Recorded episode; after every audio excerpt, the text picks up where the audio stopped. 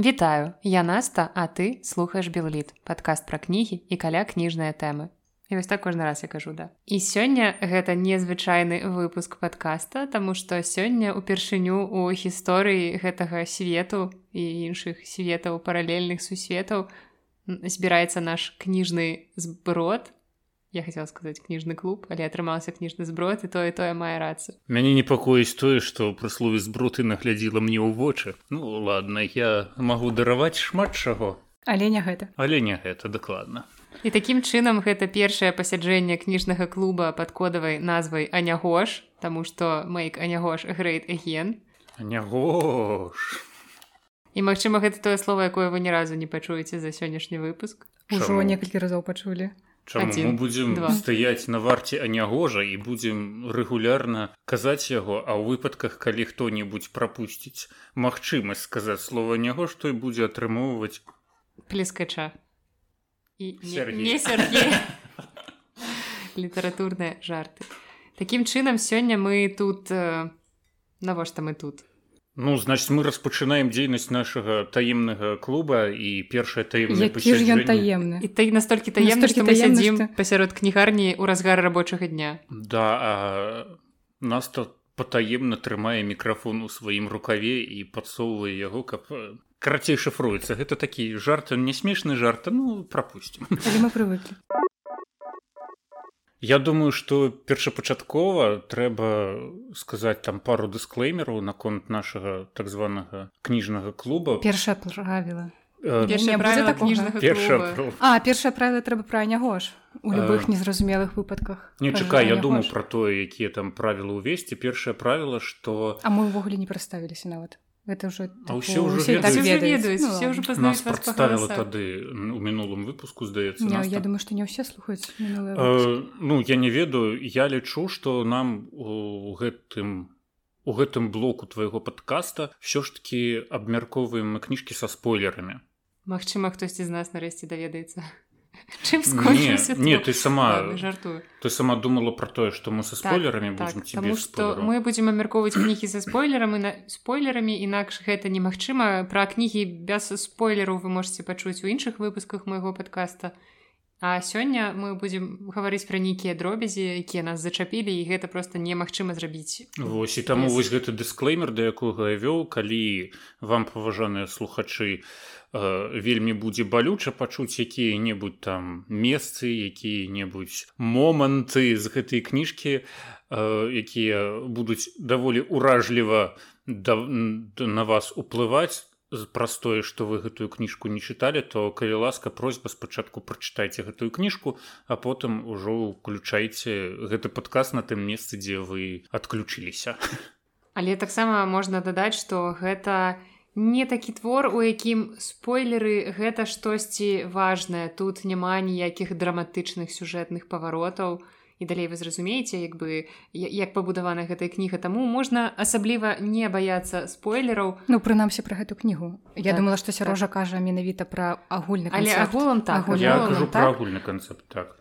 Ну але вось у выпадку з гэтай кнігай спойлеры гэта не самае страшнае што можа здарыцца ў вашым жыцці. А што самае страшнае что вы захочаце адразу яе купіць і прачытаць так яна продажы колькі тут сторонак зараз мы адразу напужаем ага, зрабіла выгляд быццам бы чытала і людзі я нават не запамінаю імёны ты кажаш пра колькасць сторонак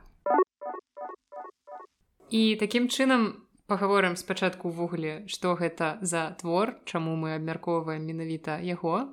Спачатку назвала ўвогуле што гэта мы іршалеў за сіні зараз, ну, зараз акурат гэта мы і абмяркуем Раман называецца за сіняй гарой яго аўтар Маір шалеў. Гэта сучасны знакаміты ізраільскі пісьменнік які на жаль памёр некалькі месяцаў таму. Але прынамсі ён паспеў ацаніць вокладку беларускага выдання. Ну то бок ён яе адобрыў наколькі я ведаю. А, цудоўны факт mm -hmm. дарэчы. Вось і мне даволі спадабалася ну гэтай кніжкі ў беларускай там на адвароце э, апошнім. Там акурат э, намалёвана так стылізавана такая Я нават не ведаю гарыла ці што гэта. І калі вы адкрыеце інтэрнэт і паглядзіце на фоткі мы рашалева вы вось у агульных рысах пазнаеце аўтара гэтай кніжкі вось у зараз параўнаў класіка ізраільскай літаратуры з гарылай. Ну Але А- мне а здаецца што тут любога чалавека тут можна абмаляваць вось падобным чынам і гэта будзе что прыгожа. мы ўсе Ну, паходзім ад ну окей гэта чалавек з такімі Ну, малпападоб... абрысы. малпападобнымі рысамі гэта так. любы але чалавек. гэты чалавек э, гэты малюнак вельмі падобны да аўтара гэтай кніжкі мы Я думаю, што мы не будзем абмяркоўваць нейкую біяграфію шалева ёсць канешне там адзін факт з яго біяграфіі які мае дачыненне да гэтай кнігі але гэта мы згадаем пазней. Але так я думаю як бы у агульных рысах можна сказаць толькі што гэта сапраўды вельмі значны для ізраільскай літаратуры аўтар. І вось першае пытанне якое я б хацела вам задаць у сувязі з усёй нашай гэтай сённяшняй размовай. Ці чытаеце вы ўвогуле ізраільскую літаратуру? Што вы ведаеце пра яе? І магчыма ёсць у вас нейкія любімыя аўтары Я магу адразу адказаць, таму што пасля Маіра шалева я пачынала ўвогуле яго чытаць з іншага твора. Гэта кніга, якая па-руску называецца как некалькі дней. І гэтыя два творы для мяне вельмі падобныя, яны нібыта я адзін прачытала, ён неяк спалучаецца з другім быццам бы гэта дзве кнігі, якія можна аб'яднаць у адну. І нядаўна я чытала зборнік апавяданняў ізраільскіх пісьменнікаў называется чалавек які скраў сцяну плачу таксама ў перакладзе касцюкевіча здаецца Там вельмі даўно яна выходзіла ў выдавецтве Лохвіна. 2009 по-моему год там не асабліва вялікая кніга апавяданняў штук 15 можа трохі меней гэта, гэта асобнай кніжкай выходзіла? асобна Так, ў у логвіна Логвінаве. так ну і прынамсі з гэтага зборніка я даведалася пра розных аўтараў зараз не скажу іх імёнаў таму што імёны я не запамінаю амаль што не запамінаю тыя да якіх часта Яна звяртаюся дагэтуль не ведае як нас завуць не вас-то я ведаю. Ага, у просто... У яе, просто у на руцэ записано Мы так той гэта этот а вунь тая гэта вузена вас цяжка забыць Ох прымем гэта за Камплімент. ну, я ты, не буду Сярожа? прымаць за это за камплімент вы што Сярожа, а ты што можаш сказаць пра свае адносіны з ізраільскай літаратурай ізраільская літаратура неталерантны зараз быў жарт. Вельмі неталеран... неталерантны Ну ўсё што выходзіла по-беларуску я стараўся купляць чытаць мне вельмі спадабаўся сем шчаслівых гадоў Mm, керат дакладна это керат, я добра, таксама чытала вельмі Добра. здораўская штука. Вось гэтыя пабудаваныя адносіны стасункі паміж бацькам і сынам і сын который вырас і сам стаў бацькам і вось гэтыя стасункі пераносяцца ў прасторы і, і ў часе але ролі роля вось аднаго чалавека іна мяняецца на супрацьлеглую. Ну і гэта даволі даволі такі прыкольны твор мне спадабалася Вось ну по-беларуску скажем так як я сказаў я ўжо стараюся купляць усё што выходзіць з перакладу з ізраільскім з, з ізраільскіх пагатоў але трэба прызнаць апошнім часам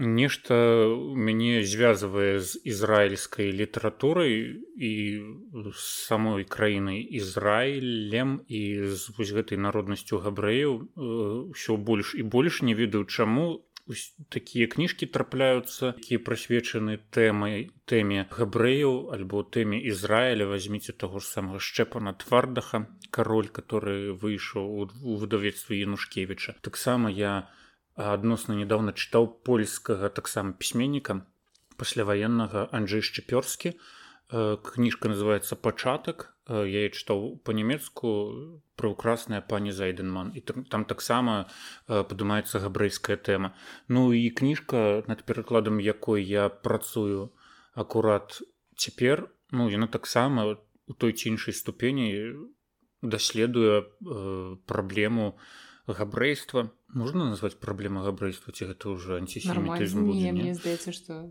цалкам прымальны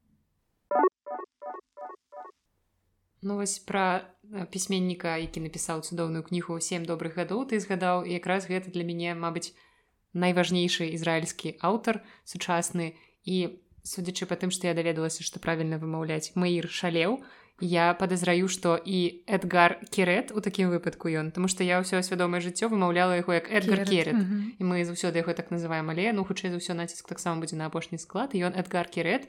І А ты не такім чы- гугліла я не гуглю. Дакладней гугліла але я не знайшла. Ну э, я вось Ну прынамсі. Сергей шупа і іншыя кагорты перакладчыкаў называлі яго керат каб здаецца так было. Каб, каб называлі інакш мне б гэта кінулася па вушы. Ну так. Сергею шупу можна давяраць паколькі ён акурат той чалавек які гэтую кніжку пераклаў. І сем добрых гадоў гэта Мабыць, адна з маіх улюбёных кніжак. Я ўвогуле не чакала нічога, калі брала ў рукі кніжку сучаснага ізраільскага аўтара. Таму што я не асабліва да таго часу была абазнаная ў ізраільскай літаратуры. І з таго, што я чытала, гэта быў Амос Оз. Я чытала іуду і не дачытала фіму тому что мне гэта было не цікава мне гэта было ну даволі сумна я разумею что гэта чалавек які піша цудоўна гэта просто вельмі прыгожая мова але мяне не чаплялі сюжэты і вось калі я сустрэлася з эдгаром керы там працягну яго называць як прывыкла я тады зразумела что ізраільская літаратура можа быць іншай ну і канешне ж у нашым жыцці быў мой шакульбак які все ж таки пісаў на на ідышы Ну, такім чынам вось вы разумееце, што мы людзі, якія пагружаны ў тэму не надта глыбока, але разам з тым тое сёе па гэтай тэме ведаем і можам сказаць. Вось тут трэба таксама ўвесці другі дысклеймер да цыклу вось гэтых падкастаў на сценах. Тое, што ў гэтых выпусках, я думаю, вы са мной паходзіцеся, тут э, не трэба чакаць якой-небудзь канструктыўнай крытыкі, я ненавіджу гэтае слова злучэнне сабраліся тры філолагі але гэта будзе не ну, разумееш калі кніжка напісаная можна це гаварыць словы гаўняна можна можна калі кніжка... дарэчы думала што ты скажаш што мы будзем мацюкацца тут. Ну не ведаю ўсё залежыць ад ад эмацыйны ад эмацыйнага накала. Калі кніжка будзе напісана ну мне калі будзе здавацца што гэта такое сабе не вельмі гавніцом то я буду так і казаць і прабацца тут канструктыўнай крытыкі у гэтым выпадку быць не можа. Ну але калі кніжка будзе напісана даволі добра ну тады вядома мы і так і будзем казаць. Ну, то бок гэта чыста наше меркаванне асабіста як чытачоў ніяк. Літаратурных крытыкаў. Так.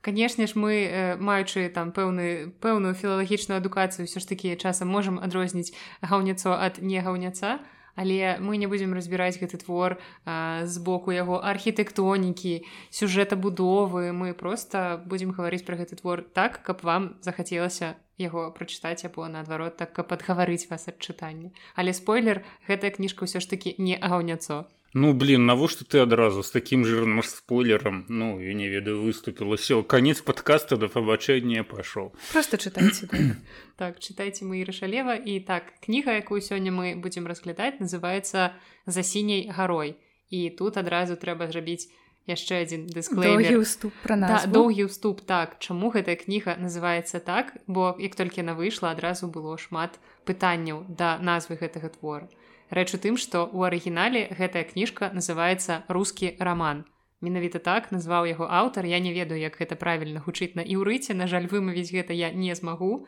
Але факт у тым што амаль на ўсіх мовах на якую на якія перакладзены гэты твор а наколькі я пачула я была на прэзентацыі гэтай кнігі якую рабіла ізраільская амбасада ў беларусі гэты твор перакладзены здаецца гэта беларуская мова стала 19 і на амаль на ўсіх мовах гэты твор называется вось менавіта за сіняй гарой або штосьці звязанае не просто сіняя гора або так або сіняя гора здаецца англійскі варыянт дакладна сіняя гора называется і я чуў што француз. Іспанскі. Так Таму што ну я ведаю нямецкі твор там таксама ўжо называется дэррусіша роман альбо русішар не ведаю што там з артыклем І вось менавіта з гэтай прычыны каб не ўзнікала у беларускіх чытачоў пытанняў чаму чаму такая назва бо мы не заўсёды любім калі арыгінальныя назвы неяк перайначваюцца. Вось ёсць вялікая праблема напрыклад у расійскіх лакалізатараў кіно то што яны не маюць ніякай павагі да арыгінальных назваў і потым у іхняй назве рускай немагчыма пазнаць той твор які быў у арыгінале. Ну мне здаецца гэта паўсюль ва ўсім свеце так не Ну але тое з чым мы часцей сутыкаемся гэта вось менавіта руская лакалізацыя і таму я кажу за тое што асабіста нам бліжэй баліць ну, так як назвы лакалізуюць немцы мне здаецца так не не лакалізуе не ты, ты бач ты ў нямецкім кантэксце ты таксама і з гэтага боку можаш паглядзець. Mm. але карацей рэч тым што перакладчык зрабіў неабходныя тлумачэнні які ён змясціў у пачатку кнігі і менавіта адно з тлумачэнняў датычыць назвы гэтага рамана. Я думаю што варта гэта згадаць што у сучаснай ізраільскай культуры як піша павел касцюкевич перакладчык гэтага твора то гэтая назва вось менавіта рускі роман яна не мае ніякага дачынення канкрэтна да рассіі да рускіх людзей. Гэта для іх хутчэй такая адсылка да рускай літаратуры 19 першай паловы два стагоддзя. Што вось для для ізраільцян рускі раман гэта такі твор які поўны нейкіх жарсцяў нейкіх супярэчлівых герояў. Ён насычаны нейкімі падзеямі прыгодамі гэта вось просто такое апісанне тыпу твора скажем так. Але вось ну важна адзначыць што ніякага дачынення вось канкрэтна да э, рассіі нейкі там падзеі не адбываюцца ў рассіі хаця дарэчы вось мой вялікі боль я бачыла розныя скажем так водгукі анатацыі да рускага выдання гэтай кнігі. І паўсюль у апісанні гэтай кнігі падаецца што герой гэтага твора яны прыехалі з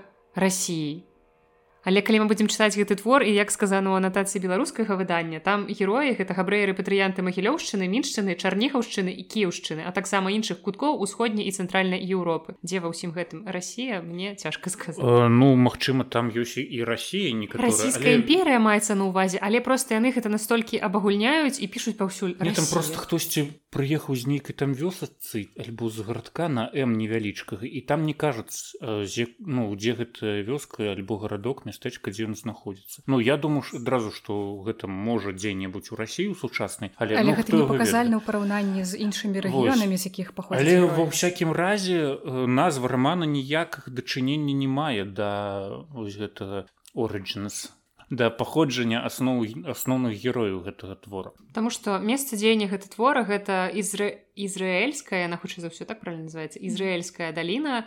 Гэта адна з унутраных далін у Ізраілі. І тут ну, такія невялічкі увядзенне ў гісторыю гэтага месца бо пасля арабскага заваявання ў сёмым стагоддзе і пры крыжаках гэтая даліна прыйшла ў поўнае запусценне. Яна была такая балоцістая мясцовасць і вось толькі ў пачатку два стагоддзя жыццё гэтай даліны аднавілася і тады ўжо вось пасля таго як асушылі балоты на гэтых землях там ужо ўзніклі першыя вось гэтыя машавы кібуцы іншыя складаныя яўрэйскія словы якія мы таксама будзем згадваць падчас сённяшняга нашага падкаста. І вось у 1925 годзе там было за заснавана паселішча якое называется афула. Я думаю я правильно ставлю націск вось сёння гэта горад які з'яўляецца цэнтрам даліны і вось менавіта там адбываюцца падзеі гэтага рамана у пачатку два двадцатых гадоў мінулага стагоддзя Вось амаль 100 гадоў таму. І вось там акурат недалёка размешчана вось гэта сіняя гара пра якую ідуць згадкі ў самім творы. Абагнуўшы гэтую сінюю гару героі траплялі ўвесь гэтую там зямлю абяцаную дзе яны потым асядалі дзе яны потым жылі. Ну і калі вяртацца да назвы твора не ведаю як вам а мне даволі спадабалася менавіта мне даволі спадабалася акурат беларуская назва твора тому что русский роман як бы вось гэта канатацыя тое что само вось гэта словазлучэнне азначае у ізраілі ну такого значэння ў нас няма калі мы кажам рускі роман мы адразу думаем ну что гэта Э, роман які прысвечаны рассіі скажем так. Тое што перакладчык пайшоў услед за англічанамі і іспанцамі як вы сказалі ну гэта быў адзіны выхад у яго альбо прыдумаць штосьці іншае там дарэчы у кніжкі ёсць таксама свой дысклеймер на гэтую тэму мне ж вельмі спадабалася што павел касцюкевич мы дарэчы не згадалі хто ж перакладчык згадалі.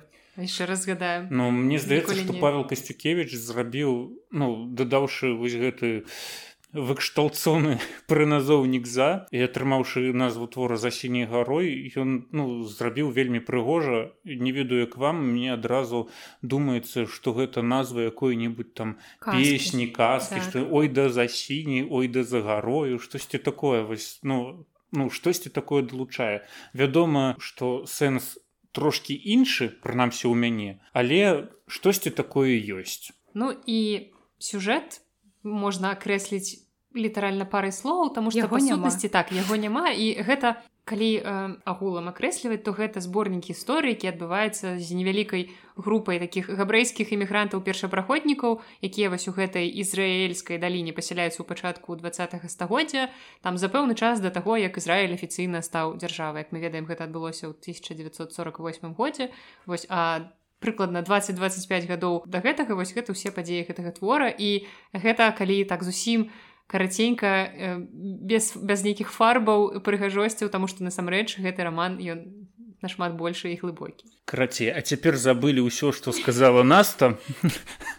Я скажу вам пра што гэты роман крацей ёсць некалькі хваляў засялення габрэямі зямлі ізраільскай. І вось гэтыя хвалі засялення называюцца аліі альбо алія алія. Я іх называю алія асноўныя героі гэтай кніжкі гэта перасяленцы другой вось гэтай аліі. Іх чатыры тры хлопцы і адна дзяўчына. Адзін з вось гэтых э, трох хлопцаў ён у будучым пабярэцца шлюбам з вось гэтай дзяўчынай чацвёртай. І вось гэтая група з чатырох людзей яны называюць сябе працоўная сябрына кніжка расказваецца пра іх саміх таксама пра іх дзяцей і пра іх унукаў. Адразу вось гэтыя тры пакаленні перасяленцаў засяленцаў ізраільскай зямлі. І э, вось гэтая кніжка яна складаецца акурат з вось гэтых караценькіх гісторый которые нанізаныя адна на адну.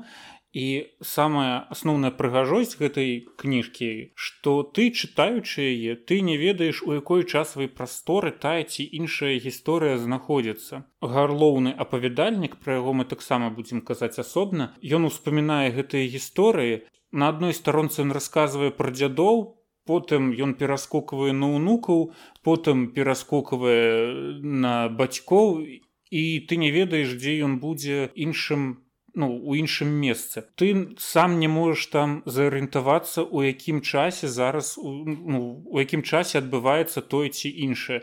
Табе толькі ў канцы ты зможаш ну прыкладна вызначыць што і як калі адбывалася. Але вось у гэтым і ёсць спецыфіка гэтага рамана. Вельмі гэта нагадвае тое што ну вы кажаце пра гісторыі якія сабраныя нанізаныя адна на адну. Мне гэта вельмі нагадвае просто нібыта гэта кніга жыццё то бок вось гэта такі як вялікі нейкі канцэпт калі складаць то гэта вось кніга пра жыццё Таму што ты успамінаеш штосьці сваё, ты думаеш пра нешта, што адбудзецца ў будучым і гэта вось гэтыя перацяканні, якія ў нас у свядомасці адбываюцца, падобна адбываюцца ў самім гэтым творы.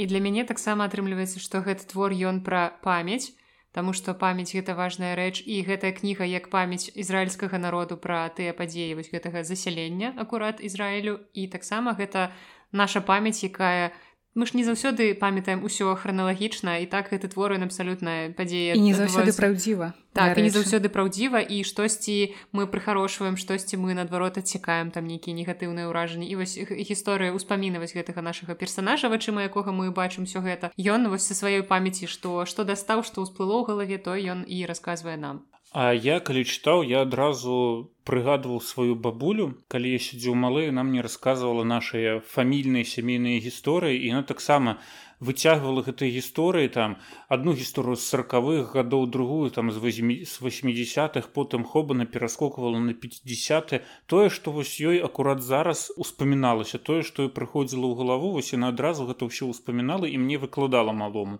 Літаральна той же самы посыл тая ж самая атмасфера у мяне ажывалася ўнутры калі я чытаў гэтую кніжку Таму як ты кажаш народная памяць ну вось гэта самае тое пра што і вядзецца ў гэтай кніжцы і народная і індывідуальная я б сказала. і, і народная народная і народная. і э, калі ўжо я упамянуў вось гэтую гульню з часам трэба адразу вось казаць наколькі шалеў наколькі ён філігранна да гэтага падыходзіць. Калі ты чытаеш адзін сказ э, у цябе пачатак сказа можа адбывацца ў адной часавой прасторы а канец сказа ён адбываецца ў іншай табе вось калі ты чытаеш наступны сказ ты тармозіш сваю галаву і такі думаеш так стапе дзе мы зараз знаходзімся? І вось такіх эфектаў аўтар э, панапіхаў гэтую кніжку даволі даволі шмат. Магчыма кагосьці гэта наадварот адштурхне чытанне а мяне на наадварот прываблівала разгадыванне раскручванне вось гэтых усіх э, нітак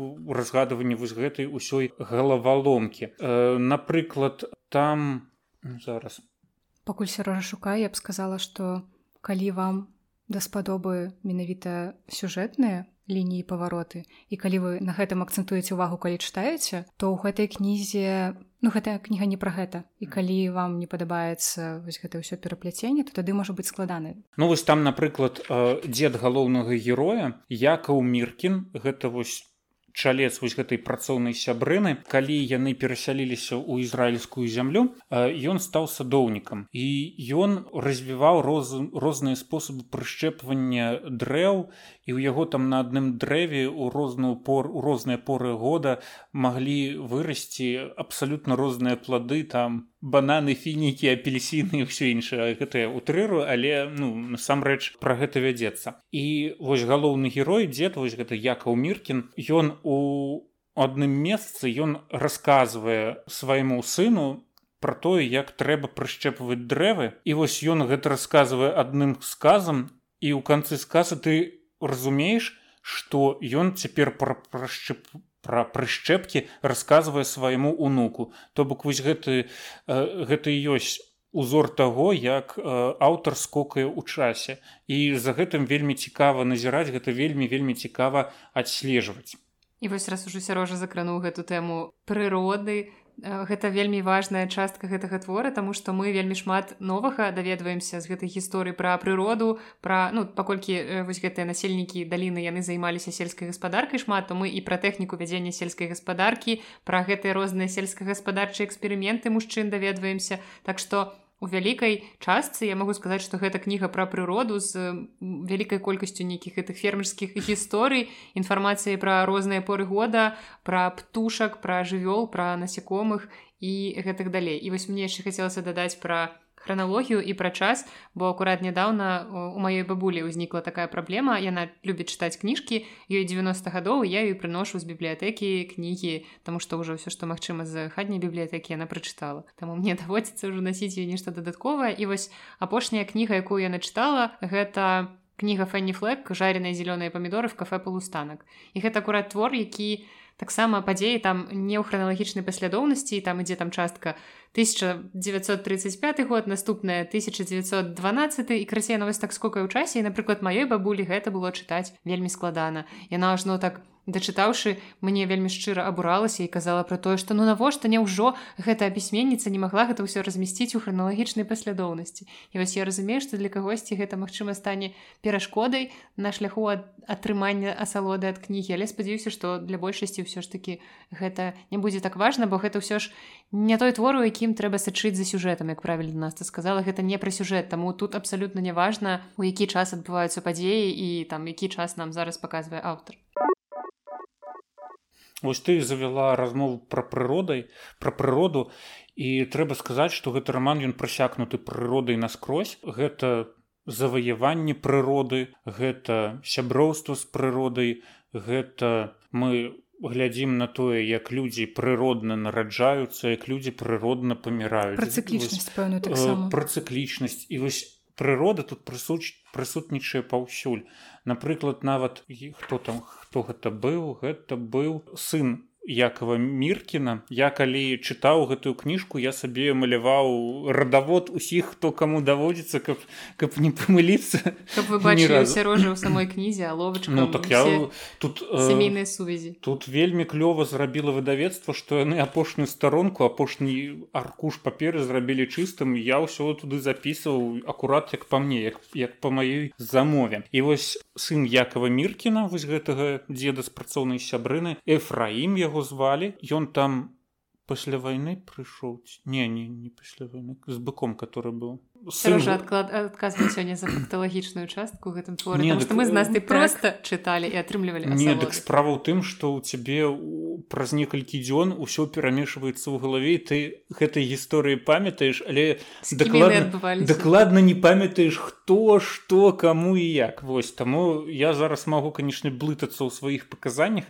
але у мяне тут запісана што эфраім гэта быў ўсё ж таки сын якова меркіна і ў яго была вялікая пачуццё сяброўства толькі сяброўства з іхным быком которого звалі. Гэта мой любимы персонаж кнігі каб вы разумелі яго звалі жан вальжан. Все фанаты французскай літаратуры такія глыбока ўздыхнули радасна ну не ведаю не ведаю.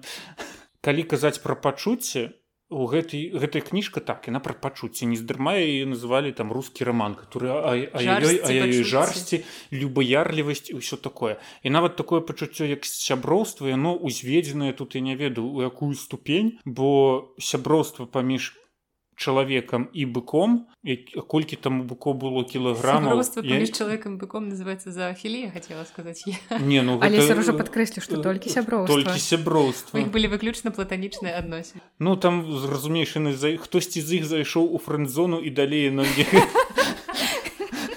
і далей іх стасункі развівацца не маглі. Усе вось гэтыя пачуцці яны да такога накала ўзведзеныя. Вось вось гэтае сяброўства калі чалавек звычайны там не тое што ён здыхля але ён ну невялікі не моцны але свай сілай свайго вось гэтае сяброўства ён можа там падняць быка пад колькі па тысячу кілаграмаў і насіць. А больш нічога ён там падняць цяжкога не можа. І таму ён потым з гэтым не хоча потым яны з гэтым быком уцяклі ў цырк і там выступалі але вось на жаль ён карыстаўся поспехам толькі са сваім быком бо нічога іншага ён падняць не мог. І таксама іншыя пачуцці таксама даведзеныя тут просто я не ведаю да бясконцасці Вось я нават працытую роман что я там сабе панапісваў. Роман гэты гэта роман пра пачуцці. Пачуцці такі такой сілы якая здольная зруйнаваць свет дазвання збудаваць гэты свет на месцы на гэта нас збудаваць на месцы старога света свет новы. Пачуцці тут лёсавызначальныя. І яны лёсавызначальныя не толькі для аднаго чалавека а для ўсяго роду а таксама для ўсёй краіны. Адначасова з тым вельмі цікава глядзець як аўтар апісвае гэтыя пачуцці і часам ён э, пераводзіць усё гэта у такі сцёп нават становіцца калі там не ведаю хтосьці там закахаўся ў дзяўчыну таму што я не ведаю ейныя ногі матляліся там і параўнанне нейкае там было гэтых ног я не памятаю з чым але гэта было вельмі прыкольна вельмі сцёбна. Каб зацаніць маштаб вось гэтых пачуццяў і жарсцяў. Галоўны герой гэта якаў міркін я назваў і адзін з ягоных сяброў чалец вось гэтай працоўнай сябрыны яго звалі эліезер ліберзон. У якова міркіна нарадзілася дачка эстер а у лізора нарадзіўся сын даніэль. І э, даніэль нарадзіўся раней літаральна там на некалькі дзён і даніэлю было тры тыдні ад роду і ён у, у веку трох тыдняў убачыў вось гэтую дзяўчыну суседскую эстер.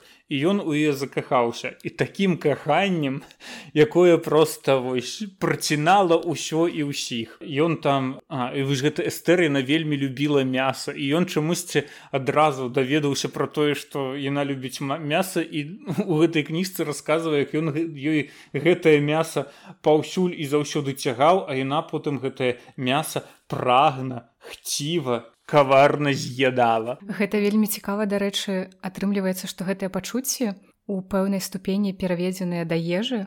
На то бок э, вось гэта прага лібіда нейкая гэта і пра тое як мы ядзім і пра тое што мяса можа стаць увасабленнем гэтага кахання. Такое матэрыяльнае. як плоть. Як плоть так ну то бок гэта вельмі ўсё такое шукаем сімвалізм во зараз я буду, зараз я буду вам цытаваць прама з кніжкі вось гэтая вось жанчына эстер. Что вы думаете ці был ці выйшла на замуж за, за вось гэтага даніля который ва ўзросце трога трох тыдняў у і закахаўся? Фігушки вам скуля вам! Нифига нифига яна не выйшла. Я толькі хотела адказаць нафига... так нафига ей вось гэты ліберзон калі там быў іншы мужик мужик і крацей вось гэты іншы мужик мужик которого звалі у мяне все запісана беньямін шенгар вы нават забыліся ўсе гэтыя імёны у мяне ўсё видите я рыхтаваўся ў адрозненне ад цябе. Вось гэта эстер такая падлюка яна залезла на дах а вы это лесвіца ці якой лескі гэта называется правильно по-беларуску яны зваліліся і яна там захрасла. І мало того что захрасла яна пачала падаць з даху. А там у той час вось гэты беньямін ён быў парабкам. Ён праходзіў міма і убачыў што яна такая у прыгожай сукенцы звісае з даху і крычыць ратуйце дапамажыце і тут ён яе убачыў стаў знізу і убачыў вось гэтыя матляючыеся ногі про які я ўжо згадываў вось і крычаў давай скок крыкнуў давай скокай мне ў рут у руки я тебе спаймаю вось і потым вось гэтыя ногі не давалі яму спакою ўсю рэшту ягонага жыцця Дык вось зараз я вам працытую пра вось гэты вось жарсці і пачуцці якія там трапляюць у гэтай кніжцы ну калі не на кожным кроку але вельмі вельмі часта. Яна вось гэтая жанчына эстер яна з цікаўнасцю глянула на дурненькага рылаўскага экі. Рылаўскі экі гэта вось гэта беньямін які я спаймаў. Глянула на дурненькага рылаўскага экі які нязмушана трымаў нож і відэлец але ўраніў кветкі якія сабраў у цясніне на белыя шкарпэткі якія яна звязала адмыслова для яго. Ну мілатаж так? Яе цела памятала моц ягоных рук і цёплае дыханне з яго рота на сваім дрыготкім жываце. Стуль як яна звалілася з даху ў яго абдымкі то бачыла яго шмат разоў. Аднак шторазу узгледзеўшы яе той заўсёды апускаў вочы ад рэха яе ног, што вібравала з-паміж крыса яе сукні, сохлі яго рот і паднябенне. Ён баяўся, што не зможа выдохнуць з засмяглага горла нават словаў вітання. Ну вы адчуваеце адразу ё-маё, якая любоў да так, гроба да труны. Нават я выпісвала сабе цытаты вось гэтых усіх жарсцяў, таму што гэта, гэта так прыгожа, і потым мы яшчэ асобна канешне ж звернем нашу увагу на пераклад касцюкевіча і тут будуць ліцца дэферамбы ў бок гэтага чалавека які не толькі з гэтай кніжкай рабіў цуда але з многімі іншымі. І я вам тут зачытаю таксама такі урывак пра жарсці. У кожнай пары патлумачыў мне потым уры ёсць свой абмежаваны рэпертуар любоўных рухаў і жэстаў. Ствараецца той рэпертуар за кароткі час доўга засвойваецца, але не забываецца ўжо ніколі. Тыя рухі застаюцца нават пасля таго, як каханне выпарылася, дадаў ён, пасля таго, як людзі перастаюць дыхаць адно аднаму ў скуру або даваць нырца на скрут галавы ў вочы партнёра. Ну прыгожаш сярожа тут паказваў зразумела, так, я так гэтую цытату выпісвала, то бок бачыцегаворваючыся так усіх аднолькавыя Таму што тут увогуле трэба адзначыць гэты тэкст. Я выпісвала звычайна я выдзяляю цытаты ў творы якія маюць дачыненне або там да нейкага сюжэту каб потым неяк уцямна пра гэтую кніжку расказваць або нейкія цытаты ведаеце глыбакадумныя з гэтымі сур'ёзнымі філасофскімі разважаннямі у гэтай жа кнізе мне просто хацелася адзначаць сказы цэлыя абзацы урыўкі якія просто гучаць прыгожа. Вось першая першая на 14 стар старонцы тое што я адзначыла гучыць так. Гады утрамбавалі вочы назад у чэрап згасіўшы зіхценне у зрэнках клубіліся дзве лужыны шызага туману гэта просто як это прыгожа гучыць. Гады утрамбавалі вочы назад у чэрап ну хто, хто так яшчэ скажа? Толькі маір шалеў у адаптацыі паўла касцюкевича ну так так вельмі прыгожа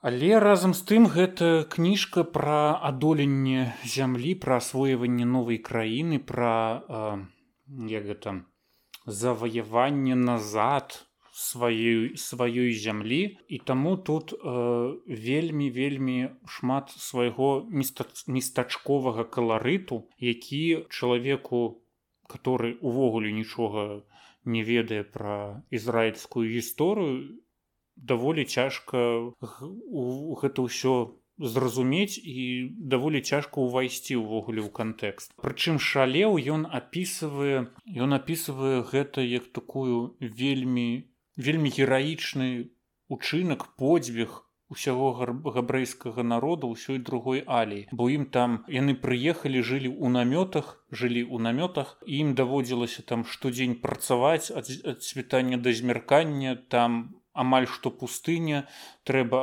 дзе балоты асушваць дзе наадварот э, вільгаць скіроўваць на зямлю а там каменне там пясок там гадзюкі там там таксама арабы яшчэ прыязджаюць наязджаюць людзей забіваюць. Ну і добрае так арабаў і гадзюк так, один радок. Ну гэтая кніжка пра мужнасць і самаадданасць габрэйскага народа я не хочу казаць заваяванне адбірання зямлі на вяртанні свайго кавалку сваёй дзялкі дзялкі дзялкі дзялянкі. І вось гэтага каларыту часам для мяне выключна было вельмі вельмі шмат. Вось гэта ўсе машавы кібуцы экі і іншае іншае што я нават часам лавіў сябе на думцы што мне гэты роман лягчэй успрымаць як роман фэнтэзі. Бо ну як бы у фэнтэзі вельмі шмат там гэта іншая земля ты ўваходзіш у новы свет я новы свет дзе ты нічога не ведаеш дзе там жывуць эльфы гномы у ты а тут будуць жыць вось гэтыя ну ізраильцяне арабы. Ізраильцяне арабы. І гадзюкі. І гадзюкі. І там яны будуць жыць у сваіх кібуцах машавах гэта ну для мяне для майго мозгу гэта было запомніць адразу цяжка. Але ўлічваючы што ты в прынцыпе любіш чытаць фэнтэзі і для цябе гэта узыходжанне уваходжанне ў гэты свет не было mm. чымсьці цяжкім. У гэтым ёсць майстэрства гэтага рамана што пры ўсім маім тое тое што мне давялося ў галаве ў сваю выбудаваць урэшце рэшт чыталася гэта даволі лёгка. Я прачытаў меней чым за тыдзень гэтую кніжку і так былі у былі секунды мінуты часы гадзіны калі э, калі мне не хацелася адкладваць гэтую кніжку ў бок. І наконт зямлі мне тады прыйшла яшчэ такая думка наколькі гэты твор можа быць важны і зразумелы для беларусаў у якіх энцыклапедыяй сялянскага жыцця з'яўляецца новая зямля і і таксама ўсе гэтыя гісторыі з людзі на балоце дзе абавязкова прыдбаць сабе зямелькі каля цагельні і гэтак далей. І таму да нас гэта таксама вельмі блізка. Але мне яшчэ спадабалася думка пра зямлю. А, вось мы не сказалі пра тое што галоўны герой гэтага твора правильно ж я памятаю што гэта быў гэта барух галоўны герой які засноўвае могілкі так. Могілкі засновы не барух а ягоны дзед. дзед так. Але ну ён займаецца гэтым і могілкай дзед хітры як габрэй. Крацей гэта гучыце камплімент. І гэта ну, канешне камплімент у дачыненні да дзеда. Ён калі прыехаў на зямлю ён адразу скеміў. Да яго прыйшла такая ідэя ў галаву што як бы як бы людзі нараджаюцца але ж людзі паміраюць і недзе іх трэба хаваць і ён хітруга ён нікому гэтую ідэю больш не расказаў і ён ціхай сапай узяў узяў заснаваў могілкі і просто людзям нічога не заставалася як вось звяртацца да яго каб пахаваць. А і, потым папулярны а потым ён як он зрабіў гэты ну як он не накруціў папулярнасці сваім могілкам ён сказал ён сказал рабяты гэтай могілкі не для ўсіх гэта могілкі толькі для першапасяленцаў і ўсе каму толькі вось трэба альбо не трэба было усе вось лічылі за гонар каб э, каб быць пахаваным на гэтых могілках. І дзед хітруга і прыйдзе свет урэшце такім чынам выбіў вельмі вялікія грошы для свайго унука для сваіх нашчадкаў. Якімі той не скарыстаўся. Чаму не скарыстаўся? Таму што ён усё жыццё пражыў вось у тым захудаленькім будынку. Хто? гэты унук я барух? Да. Не дык расказваецца ён жа купіў сабе вілу на беразе мора. Але ён жыў усё жыццё там. Купіў не дык мы акурат э, ну храналагічна роман заканчивается пераездам унука у гэту вілу Ну да калі ўсё роўна але мы пра гэта не даведаліся Ну дык як бы там яму неаднаразова казалі пра тое што чаму ты не карыстаешся гэтымі грашыма что ты рабіць? чалавек. дык ён жа ж там же ж было прапісана Мачыма вы таксама ну, Магчыма вы гэта не заўважылі. Ён купіў і пераехаў але ён потым там вяртаўся але ён жыць там не заставаўся Дык а чаму тады да яго былі прэтэнзіі, што ён не карыстаецца ўсімі тымі заробленымі сродкамі на гэтых могілках. Ну карыстаецца не на могілках, а зароблены. сэнсе не карыстаецца он хату сабе вілу купіў на беразе мора. Чаму я такога не памятаю? Таму што ты неуважлівая чытачка. Гэта ведаю. Для гэтага ў нас ёсць ты. Але я можна запомніць вілу. Пра мне вельмі хацелася. Ён гэтым карыстаўся унук, але ён карыстаўся гэтым уціхую там же ж ніхто не ведаў. Не купляў сабе э, яхты там же ж ніхто не ведаў ну, не так там ведалі што яму плоціць але ніхто не ведаў колькі яму плоціць усе там думалі что там ну і не веду ну колькі а, трэба дадаць что на гэтых могілках хавалі не толькі тых хто жыў вось там але таксама туды прывозілі з нью-йорку крацей з усяго свету з усіх куточкаў свету везлі на гэтыя вось такія магічныя загадкавыя могілкі людзей. Менавіт ну каб вы разумелі фінансавыя там махінацыі магчымасць э, Вось і тут адразу трэба калі мы ўжо сказалі пра баруха гэта скажем так вельмі цікавы апавядальнік ад імя вось гэтага унука і расказваецца ўсё. Я не ведаю як у вас а ў мяне э, мне закрадывалася такая думка что гэты барух ён штосьці псіхічна трошки нездаров я хотела Ну, у цябе спытаць. Магчыма, ці яго- не нагадаў ён табе э, любімага твайго оскара мацерата не героя не, не? Мацарату не нагадаў ён нагадаў мне аднаго майго добрага сябра который з аўтызмам жыве. Ну я адразу вось убачыў вось у ім вось яго. Оскар Мацарат ён не аўтыст. Не, не аўтыст а чалавек які просто нібыта не вырас скажем так які рос рос і не вырас. Ну скажем так з нацяжачкай фізічна як бы Оскар не вырас але разумова ён перасягаў усіх Ну тут мне здаецца ўсё ж таки з дыягназам чалавечак ёсць. І вось кніжка гэта просто пераказ усіх усіх гісторый которые которые вось гэты барух як бы у двукосе чалавек з аўтызмам пачуў у сваёй вёсцы. Ну мешаў мешаў гэта называется яны называюць у Ізраілі вёску мешаў. Маша Машал Ну я блытаюся зноў у паказаннях. Кніж ну і вось гэты аповед у кніж у кніжцы такім чынам вядзе падслухач который падслухваю гэта. Я яго называю для сябе вялікі падслухач. А быў маленькі? Ну, Малы? барух здаровы не у калі ў цябе ёсць вялікі то і малы нейкі ёсць? Вялікі ў сэнсе як вялікі гэтсбі ну камон. І там таксама гэтага баруха у машаве троху нават ненавідзець ненавідзець там нават гэта не родная цётка яму была гэта была там з-за роднага дзядзьку которая выйшла замуж жанчына. Яна яго ненавідзела за тое што барух прыходзіў на падворак зацішваўся сядаў пад вокны і падслухваў усё што дзеецца ў доме. Каб- Шпіёніў, каб- карацей. так шпіёніў каб потым вось перадаць вось у гэтай сваёй кніжцы вось гэта. Вельмі дзіўны вось гэты тон вось вельмі дзіўная сама канва не то што плынь вось гэтага аповеда з такой вось дзівакаватасцю скажем так. А мы сказалі як называліся могілкі?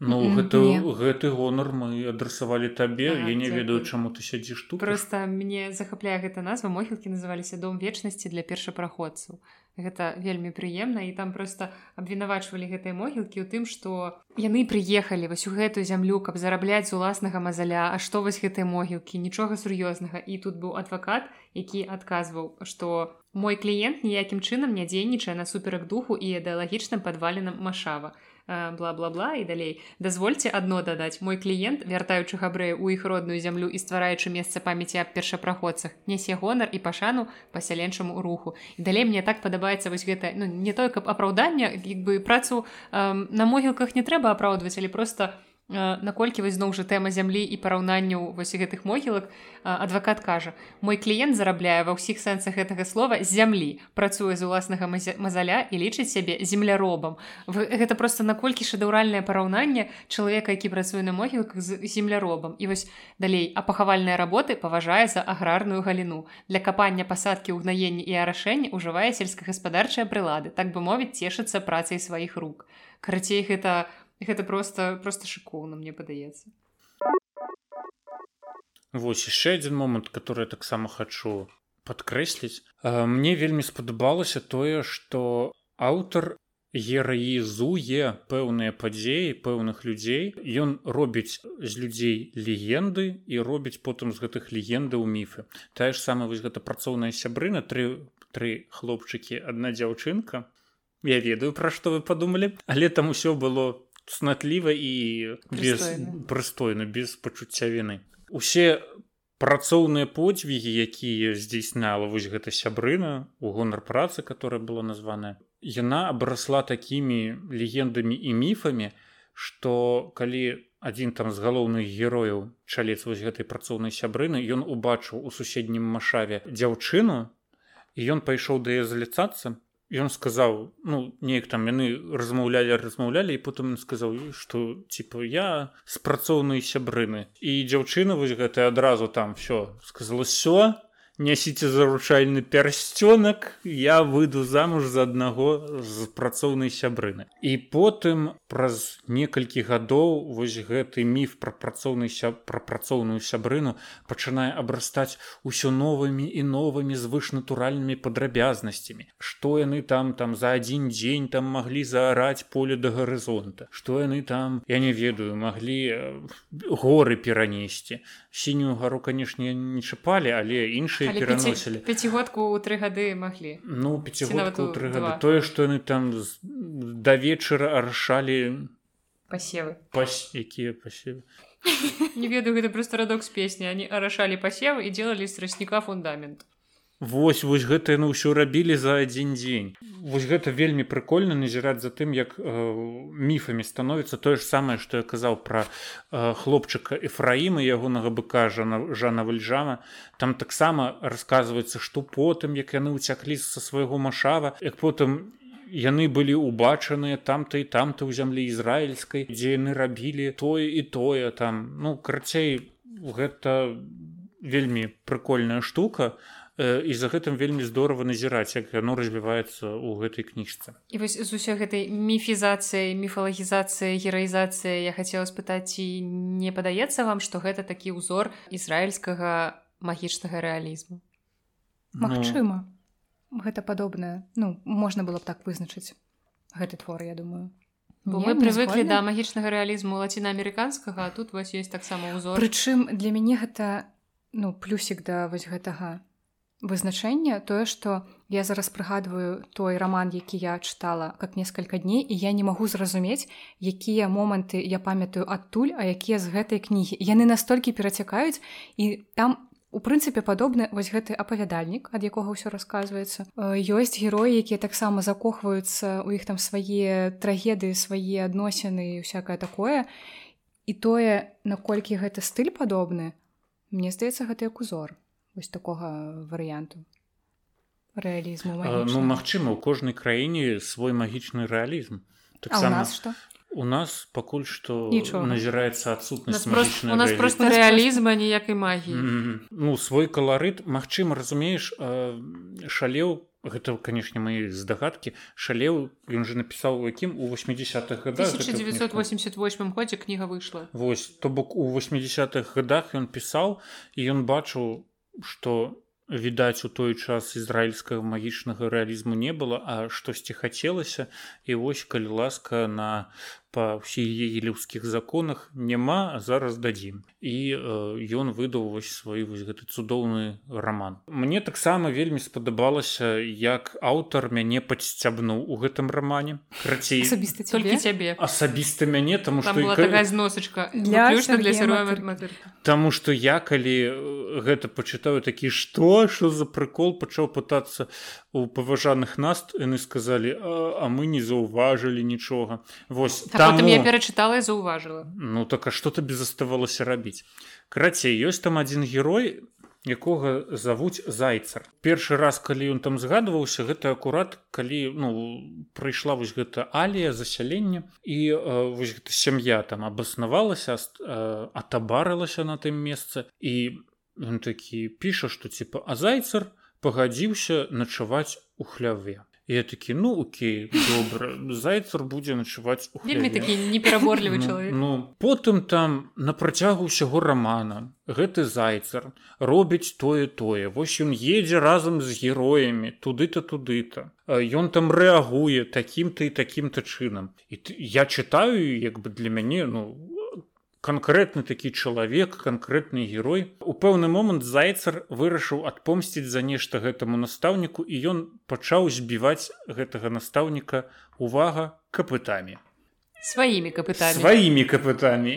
І то бок увесь гэты час все вось гэты 400 сторонак я жыў з пэўным асэнсаваннем што зайцар гэта чалавека гэта аказаўся а звычайны альбо незвычайны асёл. І таму такая канешне падстава ад аўтара мне была нават пры вельмі прыемнай потым я канешне вырашыў Окей добра хай гэта будзе аслюк я не буду перамотваць назад глядзець дзе там плужыў дзе там А не я пераматала дзе я там не ўбачыў што гэта асёл Вось я вырашыў жыць з гэтым до конца сваіх дзён. Ну а тут нас там не сказала што оказывается у шалева была такая задума. Я вельмі рады што я трапіў на ягоную нажыву Я магу гэтую кніжку толькі хваліць нахваліваць расхваліваць на кож у кожным куце на кожным рагу бо ну гэта рэальна здораўскі напісаны твор. Гэта тое пра што не будзе сорамна сказаць у вельмі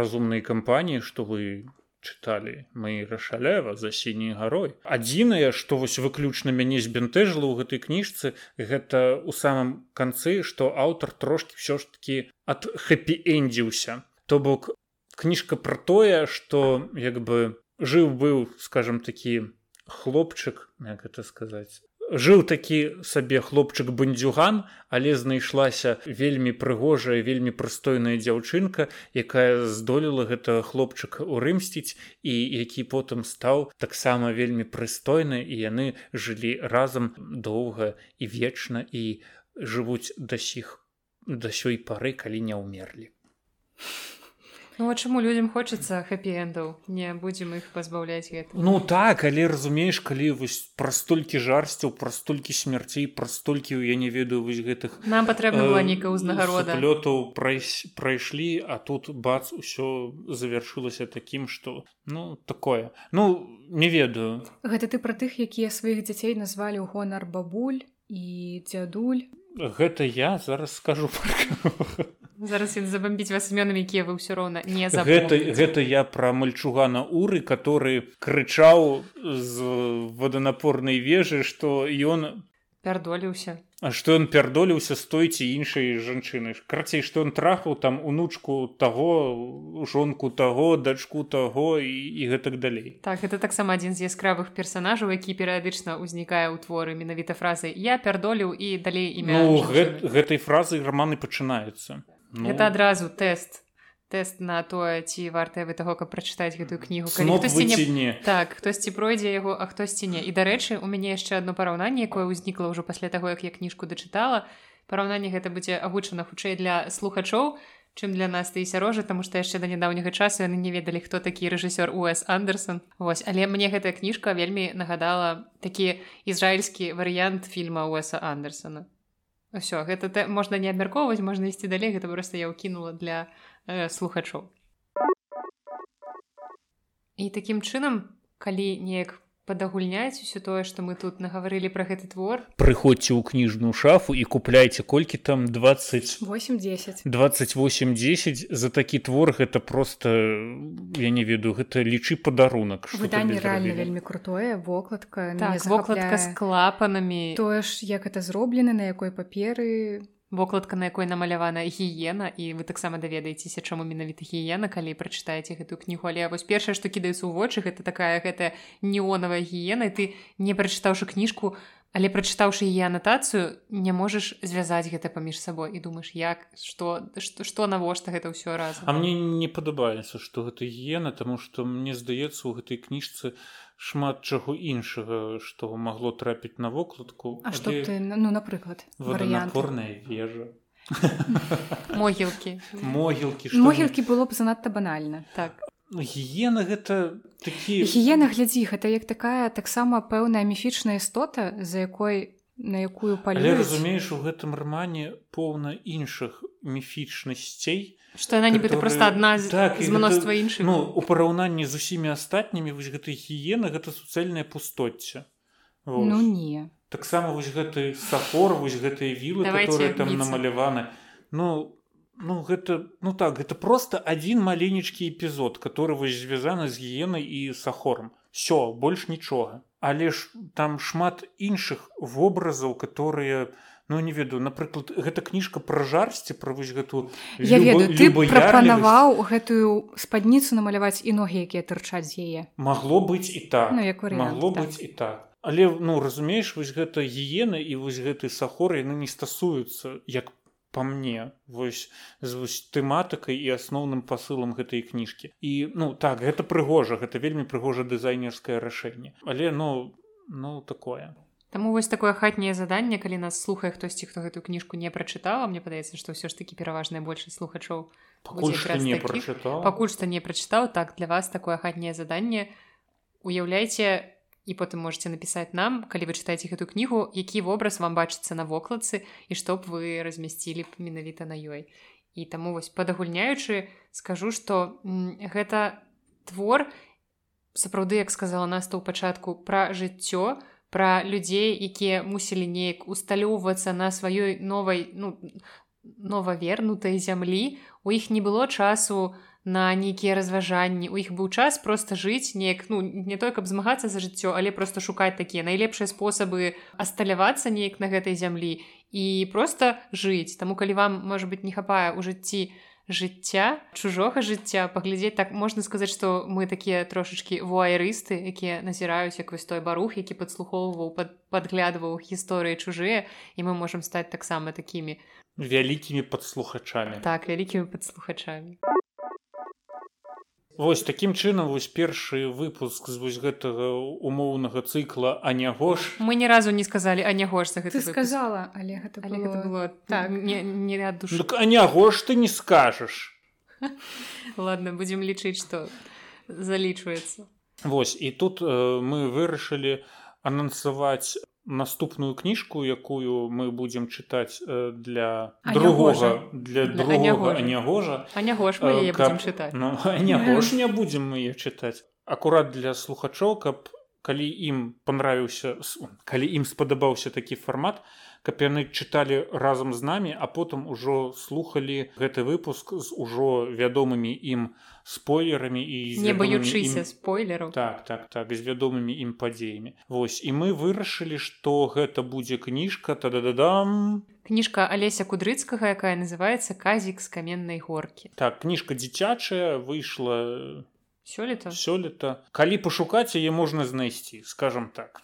Вельмі загадкава сказаў сярожа але гэта твор які ў прынцыпе мне падаецца што будзе цікава для прачытання і дарослым які яшчэ не згубілі ў сабе гэты нейкі элемент. Асабліва улетку. Так гэта будзе такое добрае чытанне плюс мы зможам паразважаць над беларускай дзіцячай літаратурай і не толькі беларускай не толькі дзіцячай увогуле. Карацей ча- чакайце наступны выпуск. Калі-небудзь наста аб'явіць гэта ўсё калі гэта будзе. Ну а калі не спадабаўся такі фармат ну тады не чакайце. А цяпер мы пераходзім да другой часткі пасяджэння нашага кніжнага клуба, у якой мы будзем адказваць на пытанні нашых слухачоў. І пачнём мы з пытанняў ад э, зробім выгляд, што мы не ведаем чалавека, які задае нам гэтае пытанне, гэта будзе загадкавы мікіта ш. І гэта чалавек, які як бы скажем далёкі ад свету літаратуры у тым плане што ягоная прафесійная дзейнасць з беларускай літаратуры літаратуры ўвогуле не звязаная але блізкі да свету беларускай літаратуры тым што чытае яе і чытае даволі шмат. І таму падчас чытання ў яго ўзнікаюць розныя пытанні якія ён не ведаючы каму больш адрасаваць адрасуе мне а я адрасую вам. і такім чынам сёння нас чакаюць некалькі пытанняў ад мікіты. Яны абсалютна розныя абсалютна паміж сабой часам не звязаныя але мне падаецца што яны былі б цікавыя для абмеркавання. І таксама калі у нашых слухачоў з'явіцца пытанні да нашага кніжнага клуба то тады вы гэтыя пытанні з пазнакай кк кніжны клуб ці кка кніжны клуб А анягош чаму не не гош да просто аню просто анягош просто анягош. так карацей як-небудзь дайце знаць што гэта менавіта для кніжнага клуба пытанні а не для маіх сольных выпускаў пішыце ваши пытанні або ў каменты на Ютубе на кастбоксе або у Google формы спасылку на якія вы знойдзеце ў апісанні або таксама мне на электронную пошту белліт пост сабака gmail.com таксама ўсё гэта вы знойдзеце ў апісанні да выпуску. Таму калі маеце нейкія пытанні да нас каб мы маглі гэта абмеркаваць калі ласка пішыце А я пачну бамбіць вас сённяшнімі нашымі пытаннямі перадаём прывітанне мікіту пачнём мы як вы хочаце мы пачнём з такіх больш простых пытанняў або з такога пытання ад якога я ведаю у сярожанькі будзе бамбіць ты хочаш бамбіць зараз ці у канцы Ну вырашай сама ну, давайте Цыфа. давайте з все ж таки больш лёгкага неяк увойдзем у працэс Мікіта задае пытанне пра дэтэктывы паколькі ён вельмі любіць гэты літаратурны жанр і любіць напрыклад творчасць владимира караткевича і пытанне такое. Чаму беларусы не пішуць дэтэктывы Чаму у нас увогуле вось як я гэта ўжо я ад сябе дадаю чаму у нас увогуле такая праблема з жанравай літаратурай дэтэктывы містыка фантастыка вось гэта ўсё чаму гэтыя жанры у беларускай літаратуры не вельмі разві не вельмі развітыя. І вось у дадатак таксама пытанне чаму вось мікіта запытвае чаму беларускія пісьменнікі просто не могуць узяць нейкі сюжэт вядомага дэтэктыва перарабіць яго пад нашы рэаліі вось як гэта зрабіў напрыклад караткевич Таму што мы яшчэ не на тым узроўні, каб у нас з'явілася настолькі разнастайная жанравая літаратура. Вось нас вельмі сумнага адказу пачала, але ну, але гэта рэалістычны адказ. Такі літаратуразнаўчы у тым ліку пра перарванасць развіцця нашай літаратуры, пра тое, што цяпер хіба больш увагі звяртаецца на на што? На рэалізм? І спачатку трэба пражыць вось гэты рэалізм а пасля вынаходзіць далейшы а потым жа сыходзіць у эскапізм і шукаць іншыя літаратурныя светы. Мне здаецца што тут прычына даволі побытавая звязаная вось акуратак ты сказала прыгожа перарванасць развіцця нашай беларускай літаратуры у нас калі палічыць на скажем так колькасць пісьменніка на колькасць душ душу насельніцтва у беларусі іх вельмі мала ну вельмі мало которые реально табе будуць бомбіць штампаваць канешне дрэнна сказала ска, сказано которые будуць там штампаваць гэтыя романы адзін за адным. Таких пісьменнікаў у нас ну я не ведаю няма.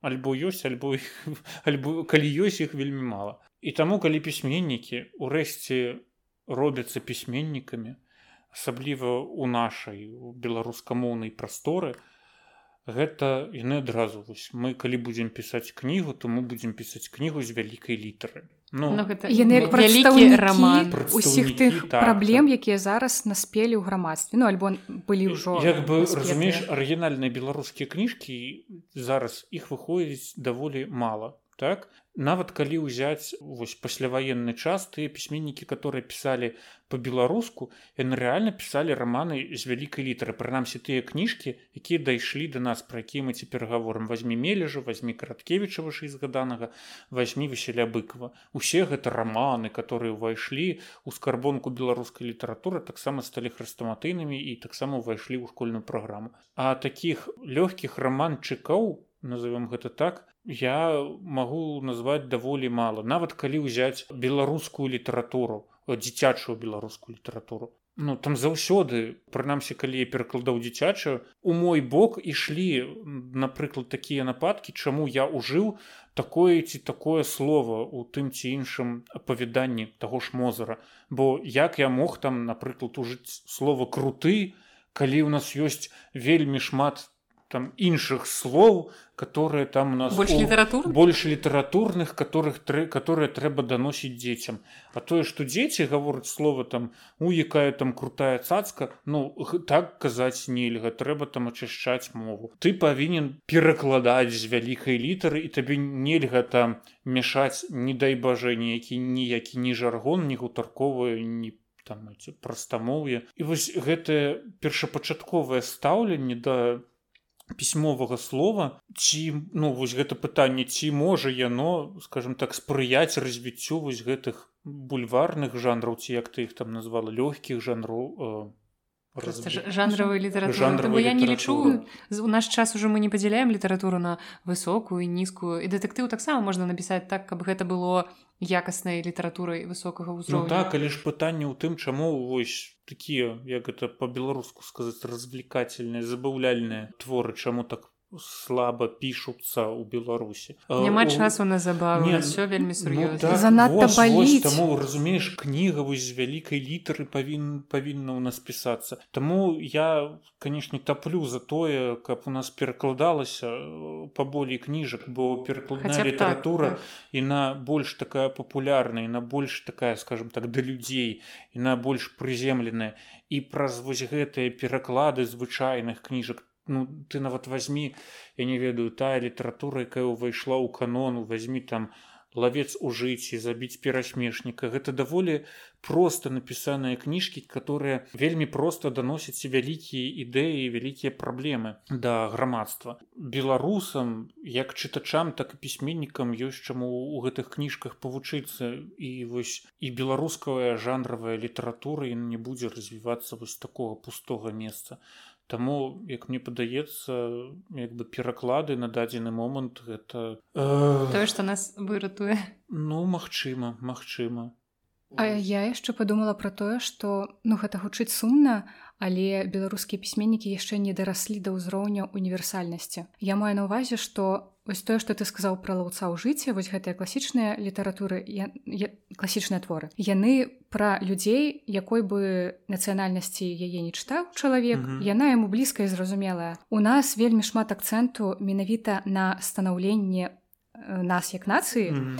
і гэта перашкаджае цікавіцца паглыбляцца трошки ісці далей тому што спачатку трэба гэта перапрацаваць а пасля ісці на іншы ўзровень і у тым ліку дэтэктывы і іншыя забаўляльныя жанры яны ў тым ліку пра універсальнасць тому што гэта агульначалавечае пытанне сюжэты ну вось так так ты маеш рацыю таму вось э, калі ўзяць за прыклад той же самы радзіва прудок это вельмі забаўляльная вельмі крутая кніжка але вось пытанне чаму вось про ўсёй яе папулярнасці што і па ёй і паставілі спектакль але яна не перакладзена ні на адну мову свету яна застаецца выключна беларускай Таму што яна будзе незразумелая так, нас то добра так. сказала пра перапрацоўку у нас яшчэ столькі непрапрацаваных траўм якія пісьменнікі прапрацоўваюць у сваіх творах што ім просто гэта гэтыя тэмы цяжэй прапрацоўваць дэтэктыўнай літаратуры ці нейкай такой забаўляльнай жанравай і і я ўвогуле мы шмат разважалі яшчэ былі калі я вучылася ва ўніверсітэце мы шмат разважалі пра тое чаму беларускай літаратуры так мала менавіта жанравых твораў і вось такая думка ўзнікала пра тое што наяўнасць жанравай літаратуры нейкай умоўны там існаванне не веду ромфанта дар'і данцовай вось падобных твораў літаратуры сведчыць пра даволі высокі ўзровень развіцця літаратуры што яны могуць сабе дазволіць пісаць і такія творы. І ў іх дастатковая колькасць аўтараў якія нават ну возьмем блізкі нам які-небудзь расійскі рынок там таксама нельга сказаць што пісьменнікі шыкуюць і жывуць толькі выключна з літаратуры. Мачыма там ёсць там пэўны пул аўтараў у супер шырока вядомых якія сапраўды займаюцца толькі літаратурнай дзейнасцю і не шукаюць іншых там крыніцаў доходаў але ну збольшага яны там все маюць нейкія пэўныя працы падпрацоўкі няхай яны і літаратурныя але яны нібыта маюць больш магчымасцяў пісаць вось жанравыя творы. А ўсё ж такі беларуская літаратура пакуль на жаль як бы не сумна нам было б гэта прызнаваць але яна не на такім высокім узроўні развіцця каб займацца жанравай літаратурай і таму вось сапраўды што кажа сярожа пераклады гэта тое што нас зараз можа выратаваць і тое што можа прывабіць людзей да чытання беларускіх твораў па-беларуску. Канешне ж яны могуць там пачынаць з перакладаў сусветнай класікі ці не абавязкова класікі а нейкіх навінак але потым паступова пераходзіць ужо да беларускай літаратуры уласна арыгінальнай Але прывабіць чытачоў, якія чытаюць часцей за ўсё забаўляльную літаратуру, мы можам вось у беларускую літаратуру пакуль толькі перакладамі, а не сваімі арыгінальнымі творамі. І нейкае такое сумнае абмеркаванне, але насамрэч ну, гэта нашы рэаліі ну, не так, прыхарошваючы. Так. Напрыклад, я яшчэ не прачытаў годнага беларускамоўнага фэнтэзі з першапачаткова напісана. Ўсё што я чытаў гэта ну я магу назваць казачная аповесць ну, так, прыступка да, хутчэй хутчэй у нас часцей пішуць фэнтэзі менавіта аўтары дзіцячай літаратуры і ў нас няма дарослага фэнтэзі. Вось я не магу згадаць ну гэта першае а мне на думку ведаеш аўтар ну і, ну прыходзіць іншае.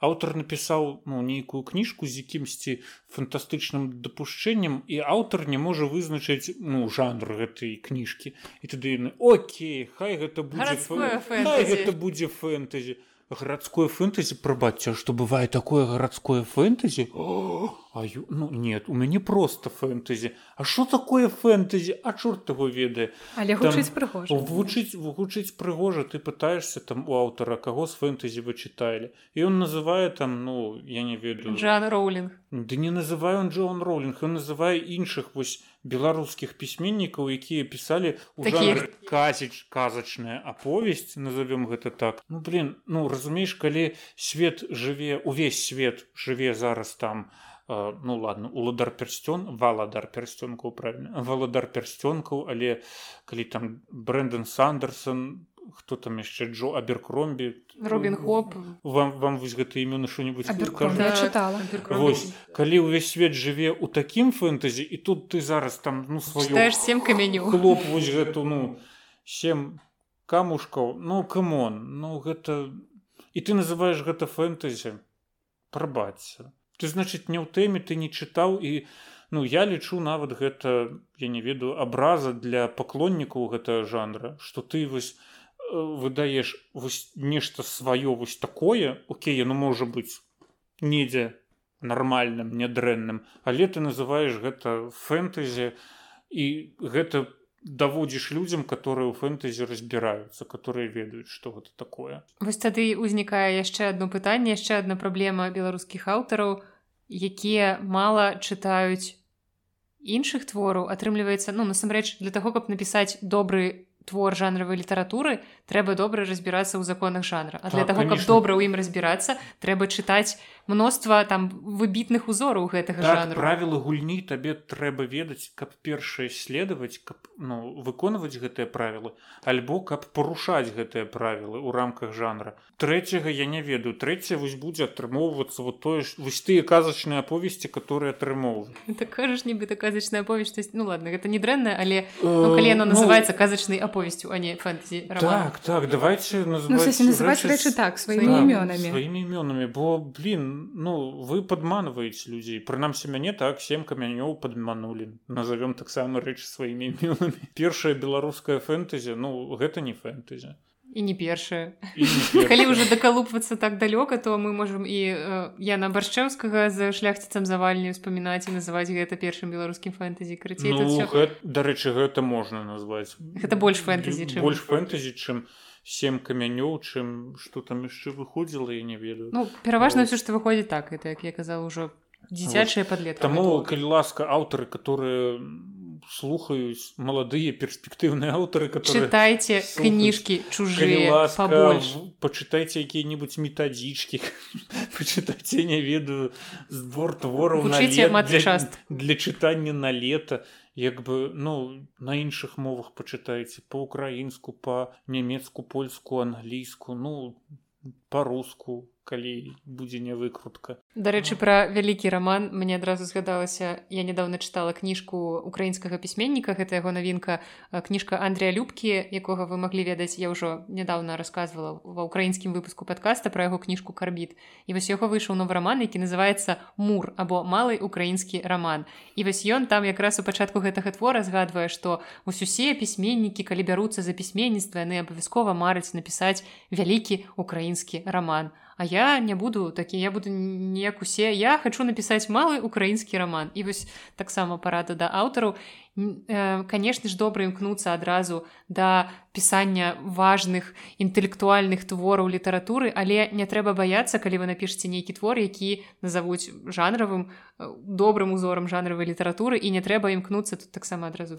Прызірка да пэўнага пісьменніка не трэба імкнуцца да элітарнасці. І вось разумееш вось гэтае стаўленне пісьменніка да свайго твора яно пераносіцца таксама да чытачоў. Нафіга мне чытаць тут і не ведаю кніжку на як бы кніжка напісаная там дробным шрифтам калі мне трэба чытаць ого кніжка напісана вялікім шрифтам там з вялікай літар Таму мы спадзяемся што мы адказалі на можемм падагульніць неяк што для жанравай літаратуры таксама трэба дарасці трэба дарасці нават ну самім пісьменнікам як бы гэта не гучала. Калі напрыклад ёсць адзін такі роман казка вось яго б я ну напісаны беларускім аўтарам па-беларуску які б я таксама назваў бы жанрам фэнтэзі ну даволі годная але я не буду яго называць усе хто ведае все зразумелі ж які романы ма на увазе хто зразумеў той зразумеў А цяпер пераходзім да другога пытання пытанне такое больш тэхнічнае і не ведаю наколькі мы яго зможам абмеркаваць Мне падаецца што хутчэй такое пытанне варта адрасаваць наўпрост людзям якія звязаныя з выданнем кніг Хаця мы таксама пэўным чынам звязаны, але не настолькі глыбока ў тэме пытанне гучыць так, чаму б не стварыць друкарню сумешчаную з выдавецтвам, каб рабіць поўны працэс выдання кнігі і самому яе друкаваць. То бок як зараз выглядае працэс кнігавыдання ў Беларусі. У нас ёсць асобна розныя друкарні. Часцей за ўсё назвы іх нікому невядомыя, вы можете сустрэць іх назвы там дзе-небудзь ззаду ў кнізе. А таксама у нас ёсць выдавецтва, якое непасрэдна займаецца працэсам падрыхтоўкі кнігі. Узнікаюць пытанні, чаму нельга заснаваць каб усё было разам, каб было і выдавецтва і друкарня і я спрабавала адказаць на гэта пытанне з такой думкі, што гэта не мэтазгодна і фінансава нявыгадна. я хацела сказаць, што калі былі б грошы якія просто можна было б аддаць і тыпу карыстацца імі і не спадзявацца што гэта табе вернецца. Ўсё працуе по такім простым законе. Кожны павінен рабіць сваю работу. І не трэба набіраць больш чым ты можаш зрабіць. Каб зрабіць одну кніжку трэба зрабіць вельмі шмат працы. І э, навошта таму ж самому выдаўцу абцяжарваць сябе абцяжарваць сябе купляць вось гэтыя станкі которые каштуюць там не дзве копейкі іх трэба вядома там паставіць на ўлік тому что гэта прадоньце кніжка э, як это сказаць станкі которые производят товар. Какой товар прадукцыю яна пасля стане что? Как так можна я ж кнігарні ну, просто друкарні звычайна друкуюць не толькі кнігі варта про гэта памятаць. Яны маюць іншую друкаваную прадукцыю якую як бы выдавецтва не выдае. Гэта так. улёткі візіткі э, э, не веду дыпломы магістрскія дысертацыі так, таму... ну як бы і друкарням таму у іх зусім іншы бізнес. Ім трэба каб гэтыя станкі заўсёды былі заведзеныя. А выдавецтва гэта ну... апарат мрт які мусіць пастаянна працаваць. Сапраўды. Так. апарат МРТ не выключаюць. Таму ёсць МРТ э, днём і вечарам. Ён працуе круглы дзень і вечарам гэта танней. Калі што лайфхак карыстаецеся. На МРТ можна схадзіць ноччу.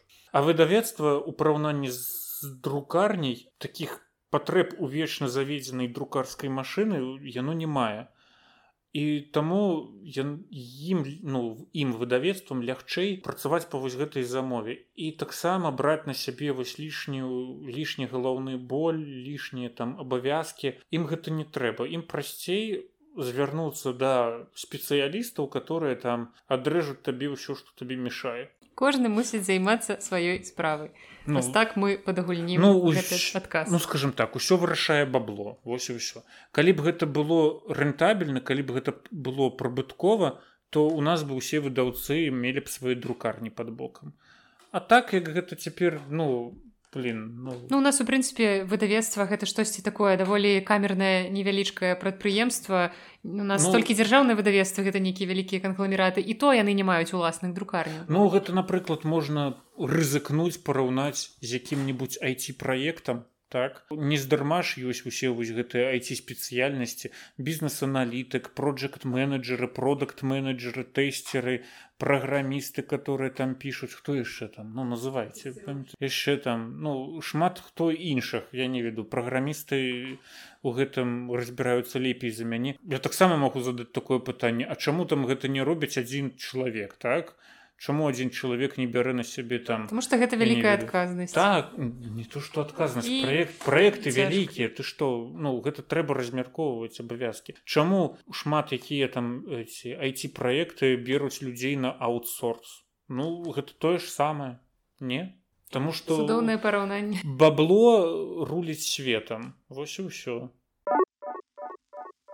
І такім чынам пераходзім да трэцяга і заключнага пытання на сёння.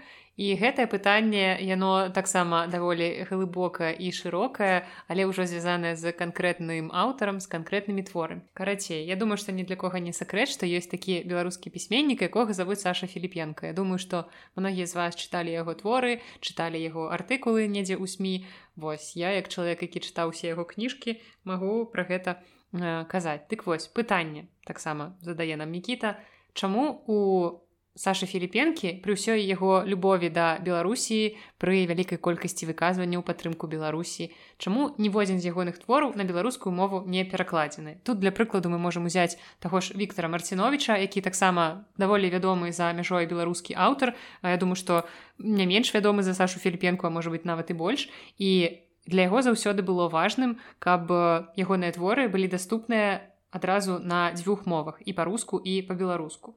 І чаму ж вось кнігі Сашы філіпенкі ён бы мог просто звярнуцца да нейкага беларускага выдавецтва што я хочу каб мае кнігі таксама былі і па-беларуску. Чаму ён гэтага не робіць? А можа быць ён просто не давярае што няма такога чалавека які зможа перакласці яго творы на беларуску. Ведаеш калі б я не чытала Сашу філіпенку творы яго на я б магчы я б магчыма яшчэ магла пра гэта падумаць што там настолькі складаныя для перакладу твор гэта як паэзія барадулі я маю навазе не пра складанасць а пра сам гэты чалавечы фактар што вось ён нікому не хоча гэта даверыць. Ну напрыклад гэта ну ведаеш калі напрыклад такая глыбіня як Святлана алексеевич знайшла людзей ну як бы людзі самі знайшліся которые пераклалі ўсё ейнае пяцікніжжа на беларускую мову которая дарэчы неўзабаве будзе агучана цалкам на на нейкіх платформах. Я нават не памятаю на якіх але калі пра нейкіх будзе. На нейкіх будзе глядзіце гэта ўсё